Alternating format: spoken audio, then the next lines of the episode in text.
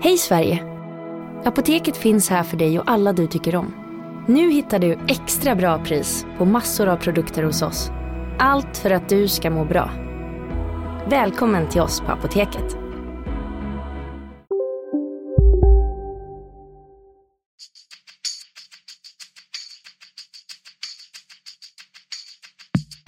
Skönt att komma ut och eh, bara lukta gräset. Så det, är, det är fotboll för mig. Är jag här och jag är väldigt glad att uh, kunna spela för det laget som jag har närmast om hjärtat. Om att skapa tro, om att tro på det vi gör, jobba vidare och vi ska bara ut där och ska vi leverera. Och det ska vi ju. Basta.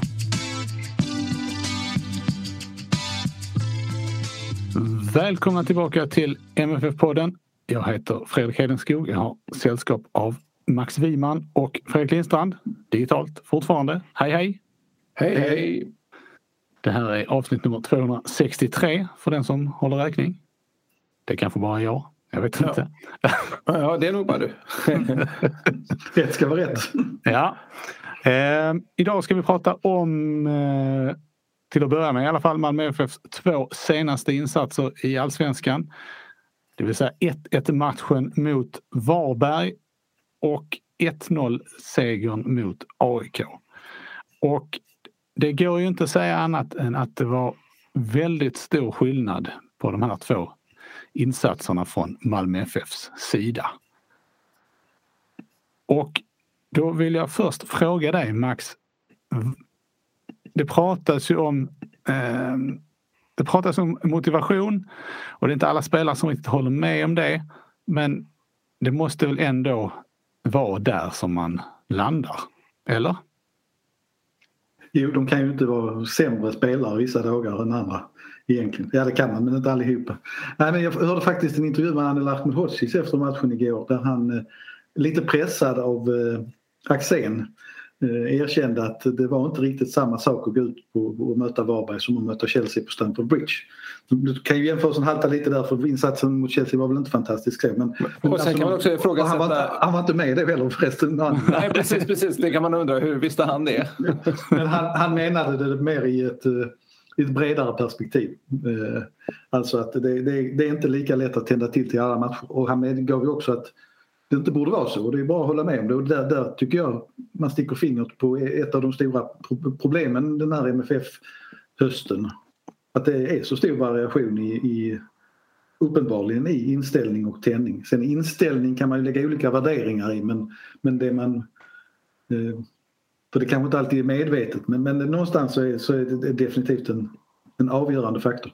Tycker jag. Fredrik, var, eh, jag vill bara säga då först att vi, vi ska, jag tänker egentligen att vi ska i huvudsak eh, prata om, om AIK-matchen för den känns mer intressant. Men det, det här är ju ändå ett, någonting som man eh, liksom behöver ha med sig som ingångsvärde in i den matchen, tänker jag. Men det här Fredrik med, med motivation och så, var, liksom, var vilar det ansvaret?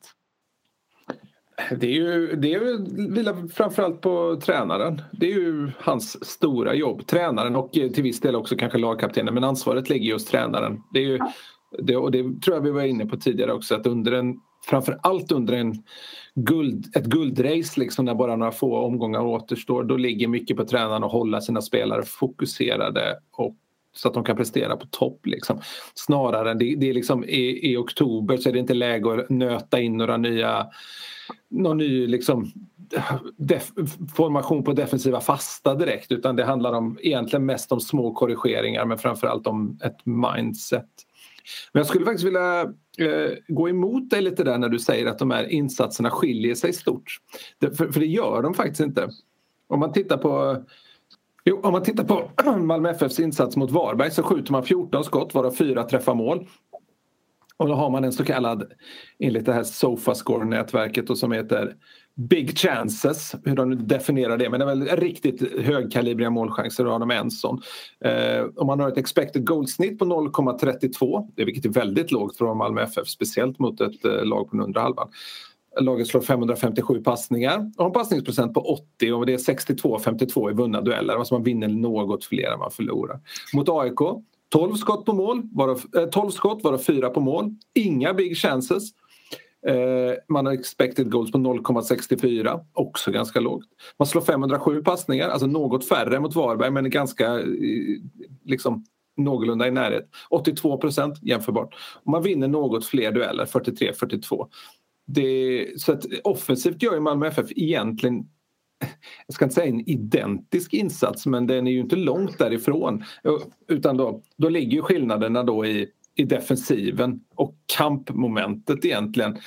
Alltså den, liksom den allmänna arbetsmoralen kanske man skulle kunna, kunna säga. För man, man släpper till sex skott eh, eh mot sig mot AIK varav två går på mål. Och det, det var liksom det är klart bättre än mot Varberg då fyra skott gick på mål och de skapade tre så kallade big chances mot AIKs en. Och då antar jag att det är det här skottet alldeles i, i, i matchminut två mot AIK som räknas. Då.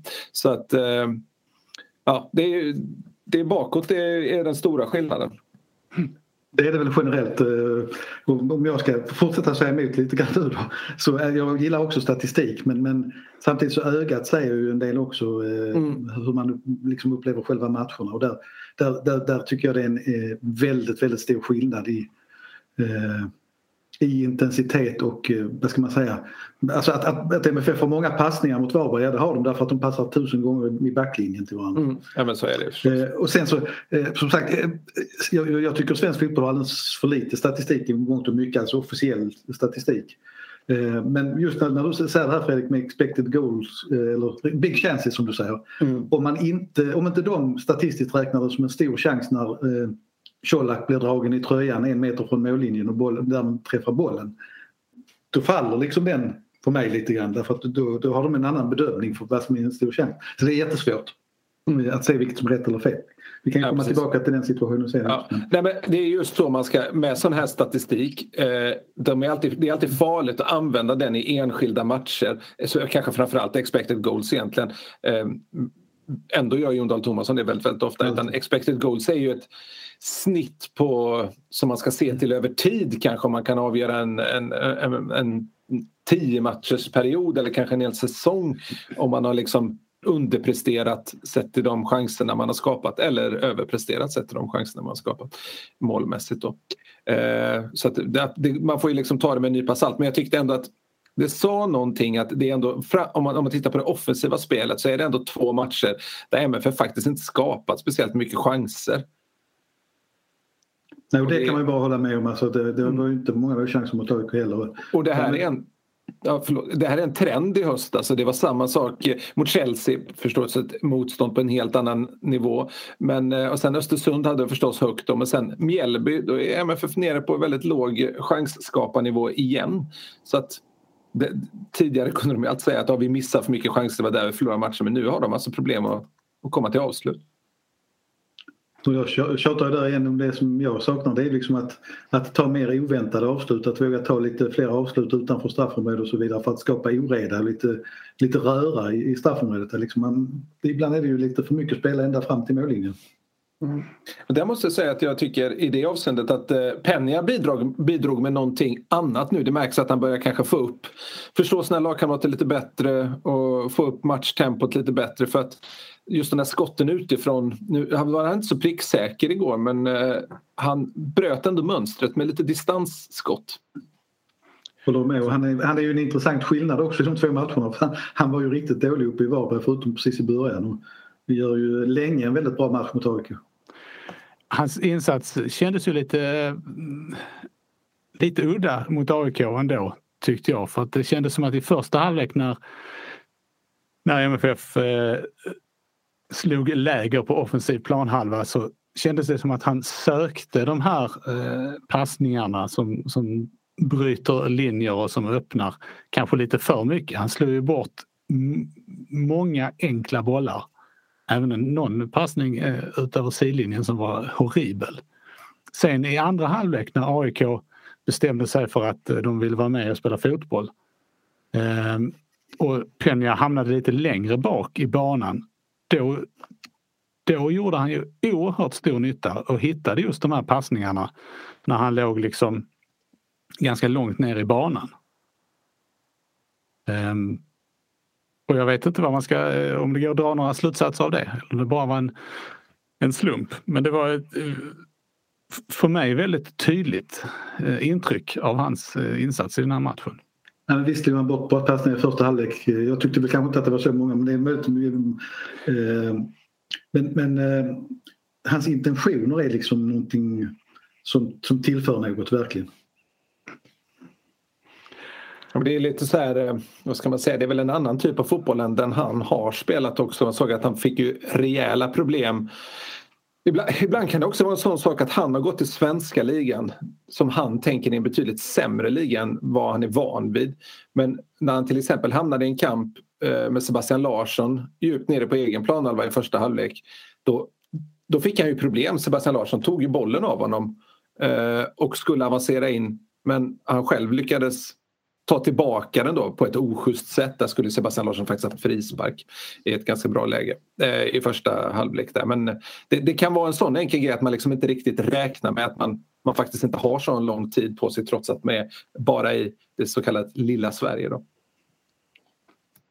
Sverige är ändå mycket större än Nederländerna. Ja, det är sant. sant. Men det går kanske lite fortare där nu. Eh, försvarsspelet var ni inne på. Vad var, vad var den stora skillnaden i de här två matcherna? Ja, det, är ju den, det är ju fyrbackslinjen som är, ja. de är det intressanta här. Och, ja, det blir ju alltid så, går det emot ett tag då är det, och så vänder man på det med fyrbackslinje så är det, då är allt löst. Men det, det såg ju helt klart mycket, mycket tryggare ut. Um, det, det, går inte att komma ifrån. Och att eh, om man har liksom... Det, effekten här blir ju att när AIK anfaller så blir det ju lite som att Martin Olsson och Erik Larsson ger ju en annan defensiv trygghet än om man bara har tre mittbackar där bak. För att mittfältet är ju fortfarande komponerat på ungefär samma sätt. Bonke och, och, och hur man avslutar då med eh, Lewicki. Så det, det, det, blir ju, det blir ju stabilt och, och, strukturerat på ett lite annat sätt och jag tycker man defensivt inte sett det hos MFF på ett, ganska, på ett långt tag faktiskt.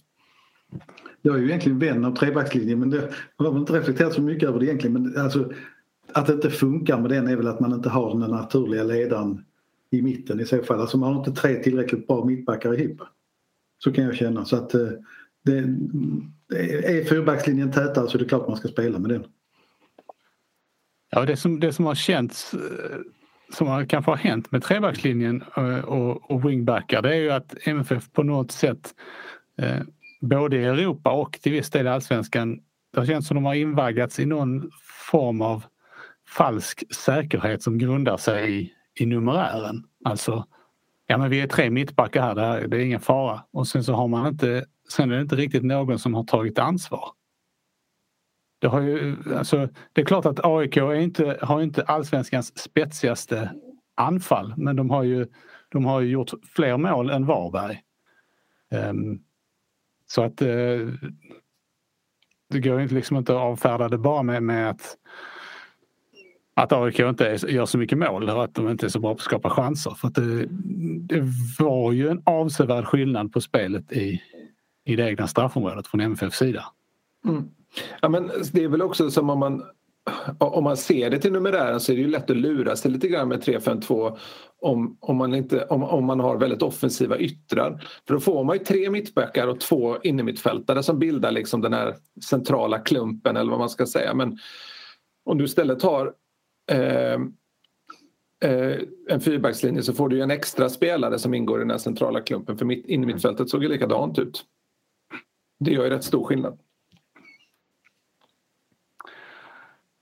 Eh, det har ju, eh, vi ska blicka framåt eh, lite senare i programmet här men jag tänker just vad gäller fyrbackslinje förutspår ni nu att det här är något som MFF kommer att köra på med? Alltså, eller vad tror ni? Därför att jag tänker nu har de Sirius borta i Allsvenskan och de har Chelsea hemma i Champions League på tisdag och den, eh, det funkade ju inte så himla bra med eh, trebackslinje borta mot Chelsea. Nej, men det, det, det, är svårt att säga vad som är vad, om det är formationen eller om det är de individuella insatserna egentligen. Jag tror att man kommer ligga kvar med fyrbackslinje borta mot Sirius men man kommer gå med en fembackslinje mot Chelsea. Jag skulle säga det också, fembackslinje snarare. Alltså att man, man måste, måste ju någonstans hitta tillbaka till det här eh, svenskt defensiva mm, aningen tråkiga men liksom att göra ett desperat försök att hålla tätt bakåt mot Chelsea. Mm. Eh, om publiken ska få en trevlig kväll åtminstone så att det, det känns som det är en, en match. Det finns liksom inget alternativ tycker jag. Tittar man på Chelseas två första mål så är ju det det är ju inte direkt frukten av, eh, av, eh, av, av en fembackslinje som gör att de gör dem. Utan det första är att de inte har räknat in, det första målet inlägget där är att de inte har räknat in alla motståndarspelare. Eh, och detsamma gäller ju egentligen, det är, det är Lukaku som drar förbi Erik Larsson och eh, Lasse Nilsen på, på det andra målet där och får en straff då. Det, det är liksom också sådär svårt att hänga upp det på liksom backlinjen så. Sen, ja. Eh, sen tycker jag det kan vara lite klurigt hur, hur, hur vill ni formera en fyrbackslinje? Jag tycker fortfarande att, att Anel och Moisander är de bästa mittbackarna. Ska både Nilsen och Brorsson ut eller hur ska man tänka? Det hänger väl lite grann ihop med Martin Olssons fysiska status just ja. nu känns det som. Gärna kan inte han spela, då spelar Moisander på kanten, det är helt givet. Men, men om Martin Olsson spelar så ja, Sen är det väldigt svårt att dra slutsatser om Martin Olssons fysiska status för han ser alltid ut som han har ont överallt hela tiden. Ja, det är liksom en sån här härlig gammal klassisk kämpakropp liksom. Och så har han ju det här ansiktsskyddet som jag känner till. Alltså man ser inte ansiktsuttrycket riktigt heller. Nej, han var het igår Martin Olsson. Han var stångades och, och liksom eh, kämpade och skällde ut motståndare. Skällde ut fel motståndare. Det måste väl vara det här ögonskyddet som gör att han inte riktigt ser. Liksom, att han gav sig på. Han trodde han blev tacklad av en AIK-spelare och gav sig på honom. Men det var, liksom, det var fel gubbe. Han fick också, det hände upprepade gånger att han liksom sökte rätta till det medan han hade bollen vid fötterna. Så stod han och fixade med sitt ansiktsskydd. Jag tyckte ja, ni, ni undvek min fråga där vilka mittbackar som ska... Hur ska fyrbackslinjen se ut mot Sirius om Olsson är frisk? Ja, nej jag tycker nog att eh, MFF ska fortsätta med samma mittbackspar. Det, och i möjligast mån kanske också samma ytterbackar. Eh, för att eh, det såg så pass stabilt ut och jag vet inte om det är något, är det något som MFF behöver den här guldstriden så är det ju den här defensiva tryggheten. De har inte råd att släppa in mål som mot Mjällby hemma och mot eh, Varberg borta. Även om Mjällby hemma var väl inte heller frukten av liksom en, defensiv struktur sådär. Men ah, det gäller att inte ta några risker liksom. Och då tror jag att eh, hittar man ett, något som funkar så får man faktiskt hålla fast vid det. Tänker man sig då att de spelar med samma fyrbackslinje mot Sirius och sen så stoppar man dessutom in Moisander mot Chelsea. Chelsea. Inte, inte otänkbart, ja. Inte otänkbart. Jag håller med i grunden naturligtvis att det för, har varit för mycket kluddande fram och tillbaka i, med spelare i backlinjen och det har inte bara berott på skador utan det har varit rätt mycket skiften.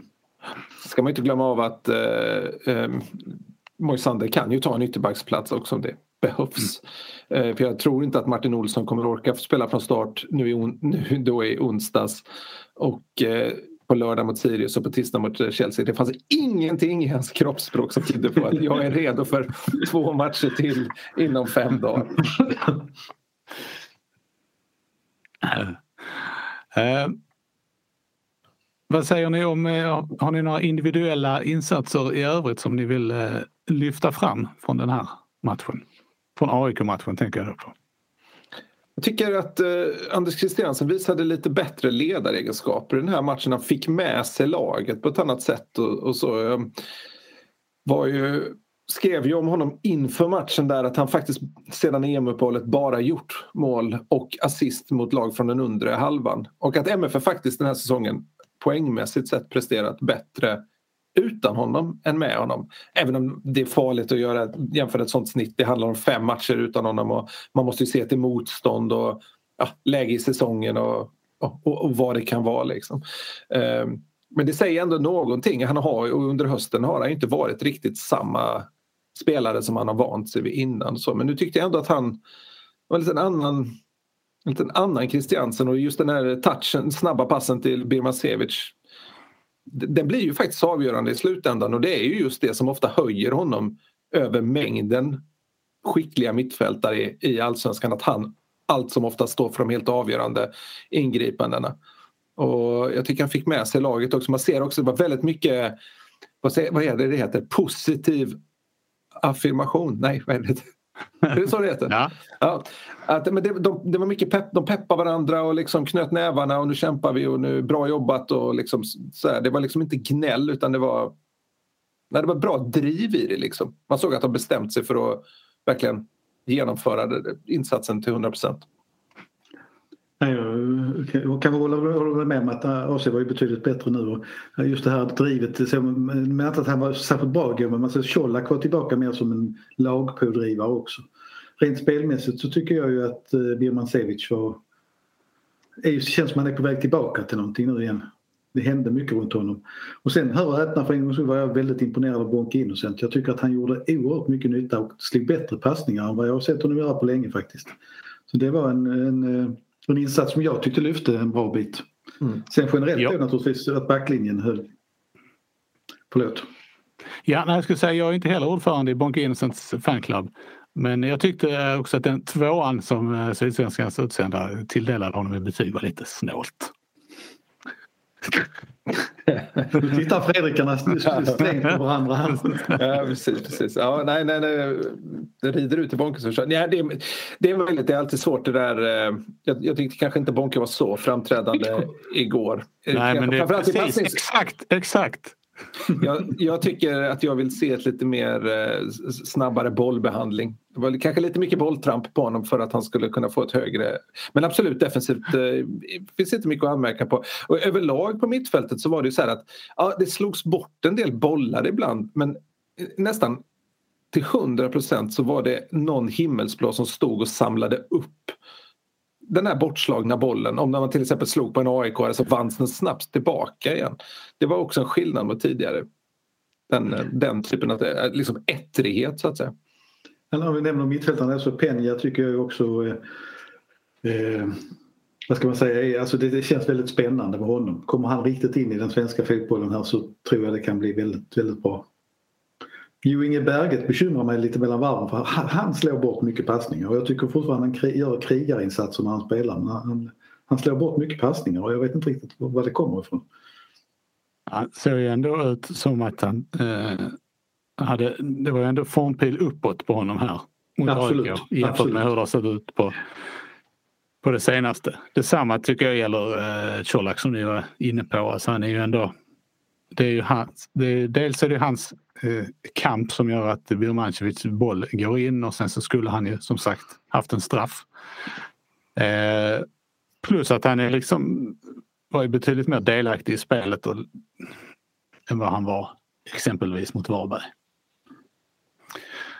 Eh, det... Ska vi ta de där situationerna nu då när du nämner dem igen? Är det så? Ja, okej, okay, vi tar dem nu. Jag kan inte hålla mig. eh, nej men eh, det är ofrånkomligt i en tid när, när VAR finns på väldigt många håll att man trots allt jämför med VAR. Eh, situationen eh, som vi pratar om med Colak, där blir han oerhört tydligt dragen i tröjan när han är två meter från mållinjen. Eh, förmodligen ska det väl till och med vara ett rött kort direkt på den situationen. Eh, och jag, alltså Ska man, jag, jag tycker att linjen, linjen, assisterande domaren bör se det men han gör inte det och det, det, det är en sån här situation som det spelar ingen roll vilket lag, återigen betonade, eh, vem som drabbas av det men alltså eh, det var, kunde varit en helt matchavgörande situation. Eh, väldigt oerhört tydlig tröjdragning. Sen fanns det ett par situationer till. En, en, Johan Dahlin tappade ju en boll och AIK slog returen i mål. Jag är inte helt övertygad efter ett par repriser att, att Dahlin verkligen hade bollen där. Ja, kände jag faktiskt samma när jag såg det. Jag tyckte inte det var helt givet faktiskt. Nej, det, det, den är, med, med VAR-kameror så hade man nog kommit närmare sanningen där. Eh, men jag, som sagt, jag är inte helt övertygad. Och sen är det då Nabil Bahouis armbåge gånger två men framförallt den på Erik Larsson. Eh, som jag är helt övertygad om att hade varit rött kort med VAR. Rött kort direkt. Eh, och då blev det ju ingen åtgärd överhuvudtaget. Och det, det är ju väldigt, väldigt svårt eh, i en tid när man, när man har varit i många andra sammanhang att inte jämföra och eh, se de konsekvenser som, som det kan bli. Och, ja, det får bli fel ibland, det är helt korrekt men, men det, är, det, det är tre, avgör, tre situationer som kan ha varit avgörande. Eh, och jag tycker det är intressant att i alla fall reflektera över Ja. Uh, det är noterat. Mm.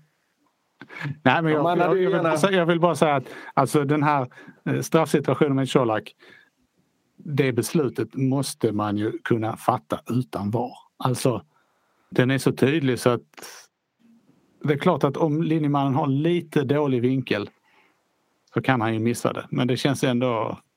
Ja. Förlåt Fredrik, du var på väg att säga något. Nej, jag var inte på väg att säga något. Nej. Nej. Då vill jag också eh, som gammal målvakt eh, det är oväntat att det kommer så här lägga in försvar här. mot målvakten. Ja, men alltså, det, är ju, det handlar ju om eh, den regeln. Har du också valt att bli egen? Då är det viktigt att skaffa en bra företagsförsäkring. Hos oss är alla småföretag stora och inga frågor för små. Swedeas företagsförsäkring är anpassad för mindre företag och täcker även sånt som din hemförsäkring inte täcker. Gå in på swedea.se företag och jämför själv.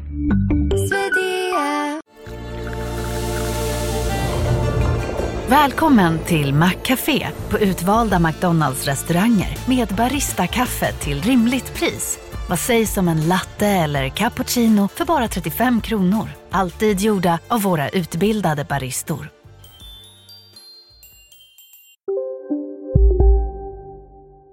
Igen eh, är ju mycket till för att skydda målvakten. Eh, som, som i, i det läget som det var då med Dalin ligger på marken och har liksom ingen möjlighet att skydda sig eftersom det man gör är att man skyddar bollen. Och det var inte heller så att det var några våldsamma protester från AIK mot den avblåsningen. Nej, inte ens från AIK-klacken som stod precis bakom. Jag säger inte att det, att det var en felaktig avblåsning på något sätt men eh, jag är osäker på vilken grad han verkligen hade bollen och det, det är mer en, en, reflektion. Jag tror vi hade sett det bättre med fler kameror men det är möjligt att du har rätt. Att, uh, ja, att man... men jag är partisk så att jag ska, um, ska kanske inte gnälla för mycket på det. Men, men um, så det kändes ju annars som en, om man bortser från de här specifika situationerna, en match som tilläts tilläts vara intensiv. det var ändå säga, ganska skönt att, att det inte alla, regnade gula kort. Jag tycker alla Kim höll en väldigt, väldigt bra nivå på det. Uh, där, där, matchen, och det, egentligen var det ganska det var en ganska snäll match på många sätt. Det var inte de här, så, så som man är van att se AIK och MFF kan det vara jäkligt eh, tufft och intensivt. Vi minns ju alla mötet i Stockholm när Sebastian Larsson mer eller mindre mördade Anders Christiansen och, och klarade sig undan med ett gult kort. Liksom. Det var väl att dobbar i bröstet här för mig, eller hur var det det var? Det var jag har för mig att det var en situation som var lite lik den där i VM-finalen 2010 då en, ett, ett holländskt fot satt i bröstet på Xabi Alonso. Eh, men, eh, men egentligen tänkte jag på det i andra halvlek överlag att det bara inramningen eh, sminkar ju upp den här tillställningen ganska ordentligt för herregud, andra halvlek det var ingen, det var, ingen, det var inte fotbollsgodis direkt. Det, var, det är väl mer kampen och det gör ju stämningen mycket som man, man, man, man kände intensiteten, man kände viljan. Mm. Det var liksom inget lag som kunde slå tre passningar i rad kändes det som. Nej, så det var det nog. Ja, det kändes... men, men just Nej, kampmomentet framförallt på hösten i de här lite ruggiga kvällsmatcherna, lite tunga planer och sådär. Det, det är någonting med det som, som är speciellt. Så är det. Sen ska man ju heller inte underskatta värdet av 1-0 segrar. Eh, med tanke, på, med tanke på hur det har sett ut för MFF eh, den här säsongen. Eh, vi har ju pratat många gånger om de mål som de har släppt in och poäng som de har tappat i slutminuterna. Att kunna vinna den här matchen med 1-0 och hålla tätt så pass övertygande så att säga. AIK hade ju faktiskt inte ett enda avslut som var något att tala om i andra halvlek. Det farligaste var ju det inlägget som Colak styrde precis utanför. Ehm, att för MFF kunna så att säga hålla ut och hålla emot och vinna med 1-0 tror jag egentligen kanske på sikt är mer, var mer värt än att om de hade kontrat till sig tvåan och trean det hade kanske liksom gett en, en, ska jag säga, en, en missvisande bild av insatsen. Ja, det ligger någonting i det faktiskt. Det, det, var, det var nog skönt på så vis. Ja.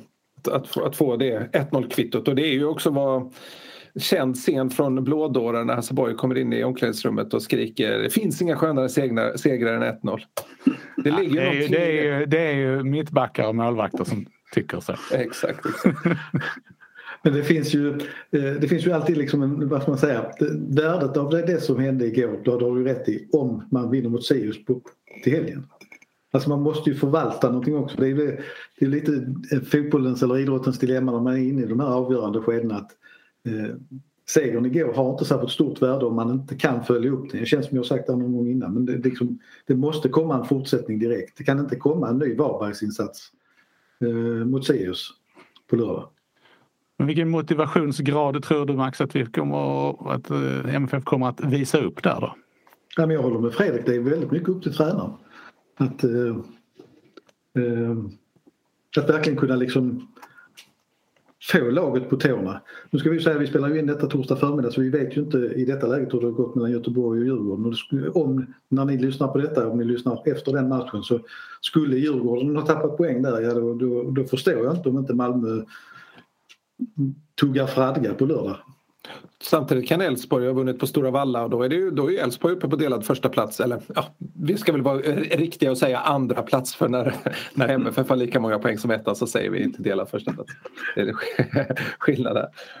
Men sen så men faktiskt Hammarby, nu tror jag inte de håller hela vägen, eh, de kommer säkert tappa men de har ju faktiskt inte jättelångt efter. Nej, men det är ju som vi har sagt innan, det är ett jättespännande läge och fantastiskt roligt egentligen. Mm det är ju sådana här tillfällen också man hade önskat att matcherna gick samtidigt så att man kunde haft hela den dramatiken. Men hela guldstriden har egentligen varit så att man sitter, och, man sitter någonstans och väntar på att Malmö FF ska avgöra den och bara rada upp tre segrar i rad och, och liksom dra ut och få det där försprånget inför de, inför de två sista omgångarna. Men det, det har aldrig liksom skett sådär. Och jag menar, det, var, det var ju långt ifrån någon slags håll käften-insats igår. Liksom, kolla här i Malmö FF, nu, visar vi, nu har vi skruvat upp tempot inför, inför i guldstriden. Så var det ju inte riktigt. Liksom. Det var, det var ju någonting annat och då, då kände man sig liksom inte så, man kände sig liksom inte övertygad om att det är fördel MFF i guldjakten. Medan man på samma sätt känner att att, att liksom, när, när, ska MFF sätta in den här stöten? När ska de höja sig till den där nivån som de andra klubbarna faktiskt inte riktigt kan komma upp till eller inte borde komma upp till snarare? Jag har gått och väntat lite på att Djurgården skulle göra det rycket. Vi har bara haft den känslan hela ett bra tag men, men de har inte heller lyckats. Eh, och de har väl kanske en tunnare trupp också så att det de har ju framförallt ingen som kan göra målen för dem eh, på samma sätt. De har ju liksom inte, de har inte Buya Turay som de hade när de vann guld senast. Det tycker jag är en stor skillnad för dem. Eh, det kanske, jag, jag har svårt att se dem vinna i, på Gamla Ullevi faktiskt. dels kommer de från konstgräs men eh, framförallt har IFK Göteborg vaknat till liv lite grann. Det är tokigt nu, två raka. Ja precis, det är ju helt sjukt. Det är, I Allsvenskan 2021 så är det ju en svit som man kan vara lite stolt över. Oavsett vilket lag man spelar för. Ja precis. Vi får påpeka som sagt att många av er vet, vet hur det har gått där när ni hör detta. Kanske. Ja, det kanske är tre raka Göteborgsvinster. Då är det, då är det dags, Men då kan man nästan, eh, redan... då är det dags att göra en grej av det. Ja, och då är det nästan så vi kan skriva in noll i, i kolumnen för MFF där borta den eh, 8 november. Ja, precis. Eller sjunde, förlåt. Söndag sjunde. Det är lätt att hålla koll. Eh, hörni, jag tänkte innan vi eh, vrider blickarna mot eh, Champions League också så behöver vi ju prata om eh, efterspelet efter MFF AIK. Ehm, och den, eh, jag vet inte vad man ska kalla det, den absurda bengaltennis som eh, spelades på, på läktaren under ett par minuter. Fredrik, du som, du som var på plats, hur upplevde du eh, detta? Det är alltid obehagligt när eh, Alltså, det spelar ingen roll om det är fotbollsläktaren någon annanstans men när det står hoper av män företrädesvis eller nästan uteslutande och liksom vill slåss mot varandra och hetsa varandra och, och det springs över läktarna och man får en känsla av att det här kan urarta. Har verkligen, jag ska inte säga polisen för det var inte polisen som var där utan det var väktare. Eh, har de verkligen koll på detta? Finns det tillräckligt mycket väktare på plats för att kunna eh, hantera den här situationen? Man såg att det folk som sprang bortifrån MFFs klacksektioner till, eh, bort till AIK-sidan där då. Eh, det, var, det, det är en olustig känsla. Just bengalkastningen i sig, man vill kanske inte just att det bara är två klackar. Den är mer, det är väl kanske något vis, blir mer visuellt obagligt obehagligt än vad det faktiskt är att någon skulle kunna skadas så direkt där.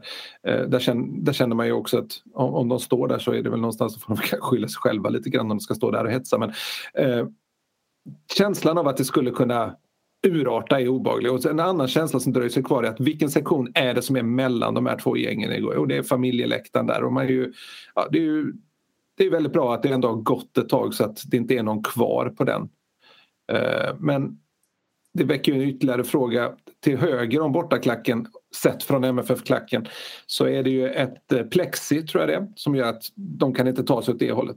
Det kanske borde vara ett på andra sidan också. För att liksom någonstans skärma av där, för att, så att man inte ska kunna jag, jag, är helt för en öppen stadion. Eh, det är väldigt trevligt men i det här fallet så, så, så blir det ju obehagligt. Alltså det är så svårt att prata i de här sakerna mellan varven mer än att fördöma det som händer. Men eh, jag är så förvånad att de här grupperingarna är så kontraproduktiva som de är. Om de nu eh, till varje pris tycker att bengaler är oerhört viktigt och eh, någonting som man vill implementera så att det blir lagligt på läktarna och att polisens verksamhet nu förstör allt kring detta vilket är en helt annan och lång diskussion. Men så när man ställer sig och kastar bengaler på detta sättet, hur, hur kan man liksom tro att man på något sätt förbättrar sin sak? Det, jag, jag, kan inte säga att det bara är stundens ingivelse när man gör det. Det, det, det finns många sekunder på sig att hindra sig från att göra det. Eh, jag har, jag har väldigt svårt att förstå hur man, hur man tänker. Jag kommer nog aldrig riktigt att förstå det. Men eh, det, det, det, det är enstaka individer för det är oftast det det handlar om som tycker sig ha makten att göra precis som de vill. Eh, och sen är det som sagt en helt annan fråga att eh, polisen har hanterat eh, hela den här situationen som har blivit så mycket bättre inom svensk fotboll eh, på ett eh, i många stycken mindre bra sätt eller rent av dåligt sätt eh, och att det finns anledning att ifrågasätta och diskutera det. Men, men de här individerna som utmärker sig och rusar över läktaren och efter att ha vunnit en match dessutom sen som sagt delta i den här att kasta en bengal fram och tillbaka. Jag, jag, jag kan inte förstå det faktiskt. Alltså du har ju, du har ju eh, rätt i det Max att det, att det är olika saker. Men för den, för den flyktiga eller tillfälliga betraktaren så är det, måste det vara oerhört eh, svårt att hålla isär. Ja, och det är ju någonstans det som är det stora, stora problemet här också. att den Eh, den eh, manifestationen innan eh, manifestationen mot villkorsköparen innan match är ju effektiv tycker jag. Och MFF är ju tydliga att man är emot den här typen av eh, kollektiv bestraffning. Och där visar båda lagen upp enad front och det, det, är, liksom, det är ju effektivt. Eh. Sen kan man ju vara jättemycket för villkorstrappan och om man är det så gillar man väl inte det. Men min uppfattning är att ändå en majoritet av supportrarna inte tycker att den typen av kollektiv bestraffning som man framförallt tillämpar i Stockholm då, det är inget man vill ha i Malmö. Där vill man ha en liksom tät och het eh, ståplats. Eh, men de, den här, hela den eh, protestaktionen den liksom kidnappas ju av de här som springer bort och, och, och vill eh, bråka eller markera på något sätt och kasta de här bengalerna fram och tillbaka. Då. Det är, det är ju det som blir eftersnacket och, och som du säger för liksom gemene man, den som inte är insatt i liksom, vad är en ultrasupporter, vad är en klacksupporter, vad är en medlem, alltså så här, inte kan skilja på begreppen riktigt. Det, det kan man ju inte heller kräva att alla ska kunna göra. De ser ju liksom, det, det, det som de ser så här, jaha, de vill, ha, de vill att polisen ska ta ett steg tillbaka och så, men ändå så kastar de bengaler på arenan och springer fram och tillbaka. Det, det, det skadar ju det, det, ja, det gör ju, hela rörelsen tar ju jättemycket stryk av det. Det, det är ju det är olyckligt. Nej, det är precis det jag, jag kanske är otydlig när jag säger att det är olika saker för det är klart att alltihopa hänger samman här men, men det är ju fortfarande så att eh, det måste finnas regelverk som, som fungerar för, för, säkert för alla människor. Det, det ingår inte att man ska rusa runt och, och kasta saker på en fotbollsläktare. Det har kastats in rätt mycket föremål från läktarna i Malmö nu också vilket är ett ofog som, som vi har sluppit väldigt länge. Jag såg en halv, halvfull Coca-Cola-flaska vräktes in från lite till höger om pressläktaren igår efter något felaktigt domslut. Och den var inte riktad mot någon utan det var något slags beteende. Eller jag kan inte svära på att det inte var riktat mot någon i och för sig, det vet inte jag. Men det var, det var liksom det, det, och precis vid sidan av, eh, av pressläktaren är det ju liksom inga så kallade risksupportrar utan det är helt inom, eller inom citationstecken vanligt folk som sitter. Det är liksom folk bara som tycker att det är en rimlig känsloyttring. Jag blir förbannad på domaren och kastar in en colaflaska. Det är ju det är fullständigt oacceptabelt liksom. Och det man måste betona också det är ju att eh, den här typen av grupperingar är ju aldrig de som ska och kan styra hur det ser ut på en fotbollsarena. Eh, vilket de ibland tycks tro. Eh, det är naturligtvis klubben och svensk fotboll som gemensamt bestämmer det här för allas bästa och för att det ska fungera för alla inblandade. Mm. Det är inte så att, eh, som sagt, hur aktiva vissa grupper än är så är det inte de som avgör, och bestämmer. Nej. Det är en del av det. Det, det, är ju en väldigt, väldigt komplex fråga och, och svår fråga. Och det, det, det, är det är liksom... Jag tror man ska vara försiktig som grupp att liksom anse sig representera någon slags stor vilja. Jag tänker liksom ofta på sån här vecklades ut en banderoll igår med att eh, MFF säkerhetschef skulle avgå då. Eh, och det har att göra med de här elva eh, tillträdesförbuden som, blev, som vi skrev om nu precis eh, idag. De, de, kom för någon vecka sedan. Eh, det finns en upprörelse bland den här ultrasgrupperingen då som är drabbad av de här eh, Eh, tillträdesförbuden. Eh, som då, och då, då, då går ju den här budisen då som sådana kallas, eh, banderollen, upp på, på, på ståplats. Eh, och då, då, är ju liksom, då undrar man ju Vet de som håller upp den skytten vad de håller upp för någonting? De som vecklar upp den, det är ju omöjligt. De skickas ju upp på, på liksom ståplats. Och då, där måste man ju fråga sig, representerar den här banderollen läktaren på något sätt? Det är ju lätt att tro det när man ser det på tv och det fångas på bild och det läggs upp på sociala medier. Kolla här, Malmöläktaren enade mot MFF säkerhetschef. Det blir ju lätt den bilden. Liksom. Och jag tänker att den typen av budskap, precis som budskap på sociala medier och så kallade stormar på sociala medier. Och det gäller ju inte bara MFF utan det gäller ju också, ja, titta på svensk politik. Ibland kan man ju få känslan av att svenska politiker agerar utefter hur det låter på Twitter. Och Twitter är ju på inget sätt representativt för det svenska samhället i stort. På samma sätt som en budskapsbanderoll inte är representativ för Malmöläktaren i stort.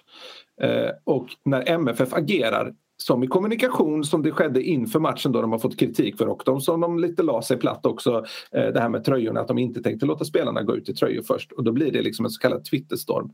Eh, och eh, då, verkar, då agerar klubben ut efter det. Och, eh, jag kan, jag kan liksom inte säga exakt hur stark den här stormen, stormen var och jag tycker att MFF gjorde rätt som tillät sina spelare att ha den här tröjan. För jag tycker det var ingen stor sak egentligen. Men man måste också som klubb och som supporter bara vara vaksam på det här. Vilka, vilka vill kommunicera ut det här budskapet och hur många står egentligen bakom det här budskapet? Det är, det är en diskussion som är ganska viktig liksom när man det, det, är lätt att tro liksom att Malmö, alla som står på ståplats i Malmö när man hör liksom när fotbollsmördarsångerna, hatar alla på ståplats polisen? Är det verkligen så? Och tycker alla att, att eh, MFF säkerhetschef ska avgå? Och, ja, det, det, jag vet inte om jag kommer någonstans här men jag tycker att det är, det, det, det, är, så, det är en så jättekomplex fråga och den är så himla svår. Man undrar liksom de här ultrasgrupperingar då, kanske framförallt den här drabbade gruppen eh, nu efter de här tillträdesförbuden. Är, är de så egentligen så intresserade av villkorstrappan-debatten? För att om de är intresserade av villkorstrappan-debatten och att det ska vara, inte vara kollektiv bestraffning då kan man ju egentligen inte klaga när det blir en individuell bestraffning som det faktiskt blir i det här fallet. 11 stycken personer identifierade och stängs av. Det är väl precis det man vill ha då om man vill ha bort villkorstrappan. Alternativet är att inte hitta de 11 eh, personerna och ha kvar och, och istället bara tunna ut ståplats. Så att ingen kan bränna på det viset eftersom de är så lätta att identifiera då. Alltså, jag vet inte, det är väl det, det, det är ett svårt läge. Känner att jag blir svamlig här på slutet. Nej, men alltså det är ju, du sammanfattar väl ganska mycket där egentligen men just det här eh, att, att, att idrott är, fotboll är en helhet. Det är inte en, en liten grupp eller eh, en mellanstor grupp eller en gruppering som, som styr utan det är, det, är, det är idrotten fotboll som ska hitta bra nivåer på allting, eh, göra så många som möjligt så nöjda som möjligt med upplevelsen inom de ramar som kan ges. Eh, och då, då, då, eh, då kan inte mindre grupper styra och tro att de får bestämma. Det, det, blir liksom, jag har generellt svårt med det och det har inte bara med fotboll att göra. Att liksom någon anser sig lite bättre och har något slags tolkningsföreträde i frågor. Till exempel, vi vet lite mer om vad det innebär att vara en supporter än vad du vet så låt du oss sköta det här. Det är ett sätt som inte inte tilltalar mig så mycket för läkt läktaren är, är för alla och man får aldrig glömma det. Och det kan inte vara ett krav att du ska åka på varje bortamatch för att du ska ha någonting att säga till om när du har betalat ett inträde till en, till en match eller är medlem i en förening. Så funkar det liksom inte, eller så vill jag i alla fall inte att det ska funka. Sen kan jag personligen tycka att, ett, eh, att det tifot som var inför avspark var jäkligt snyggt. Men det, det är ju en helt annan sak.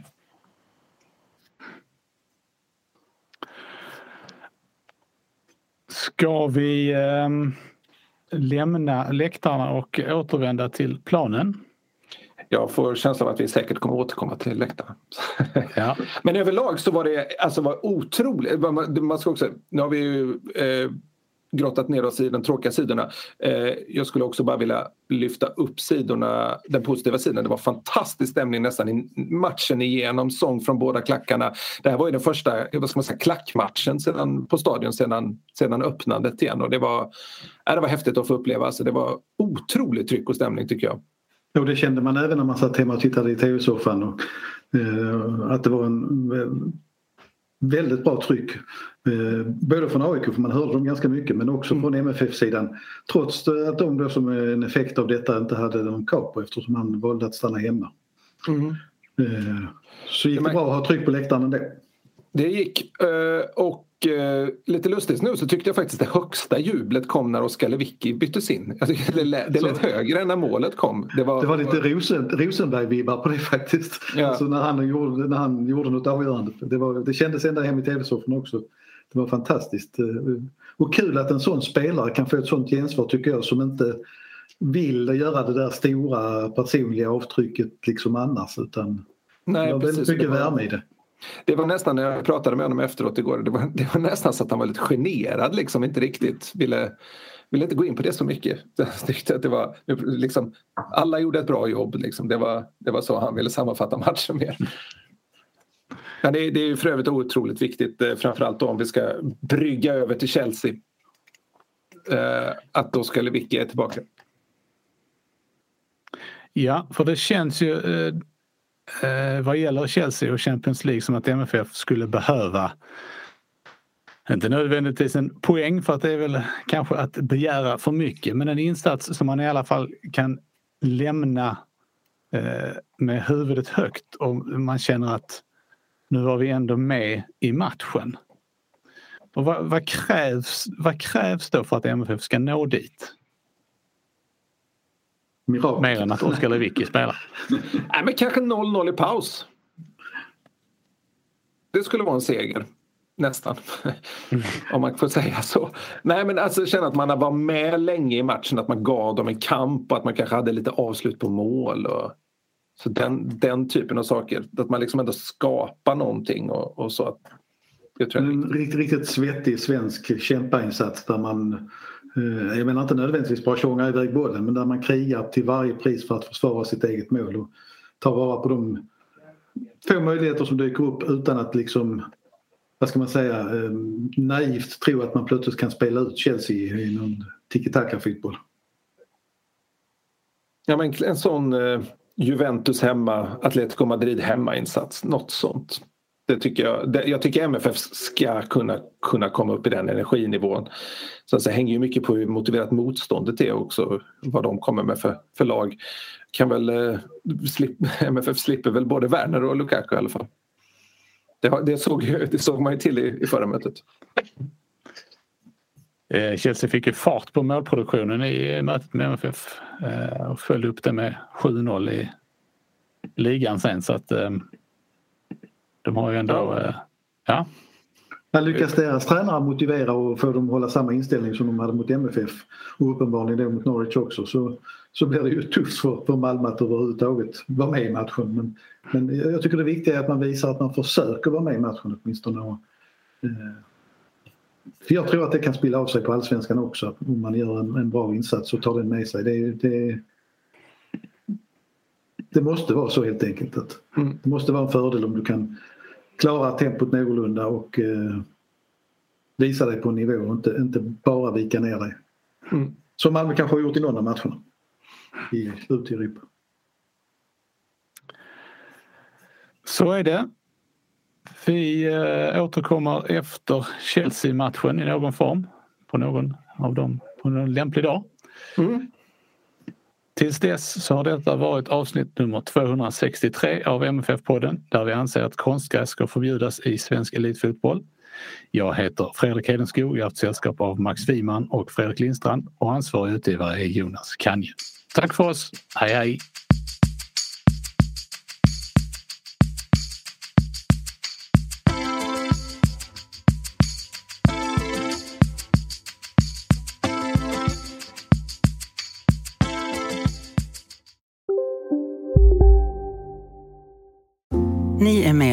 Största. Och det största är den minsta. Ni minns de första ögonblicken. Och den där blicken gör er starkare. Så starka att ni är ömtåliga. Men hittar trygghet i Sveriges populäraste barnförsäkring. Trygg Hansa. Trygghet för livet. Hej, Susanne Axel här. När du gör som jag och listar dig på en av Krys vårdcentraler får du en fast läkarkontakt som kan din sjukdomshistoria. Du får träffa erfarna specialister, tillgång till lättakuten och så kan du chatta med vårdpersonalen. Så gör ditt viktigaste val idag, lista dig hos Kry.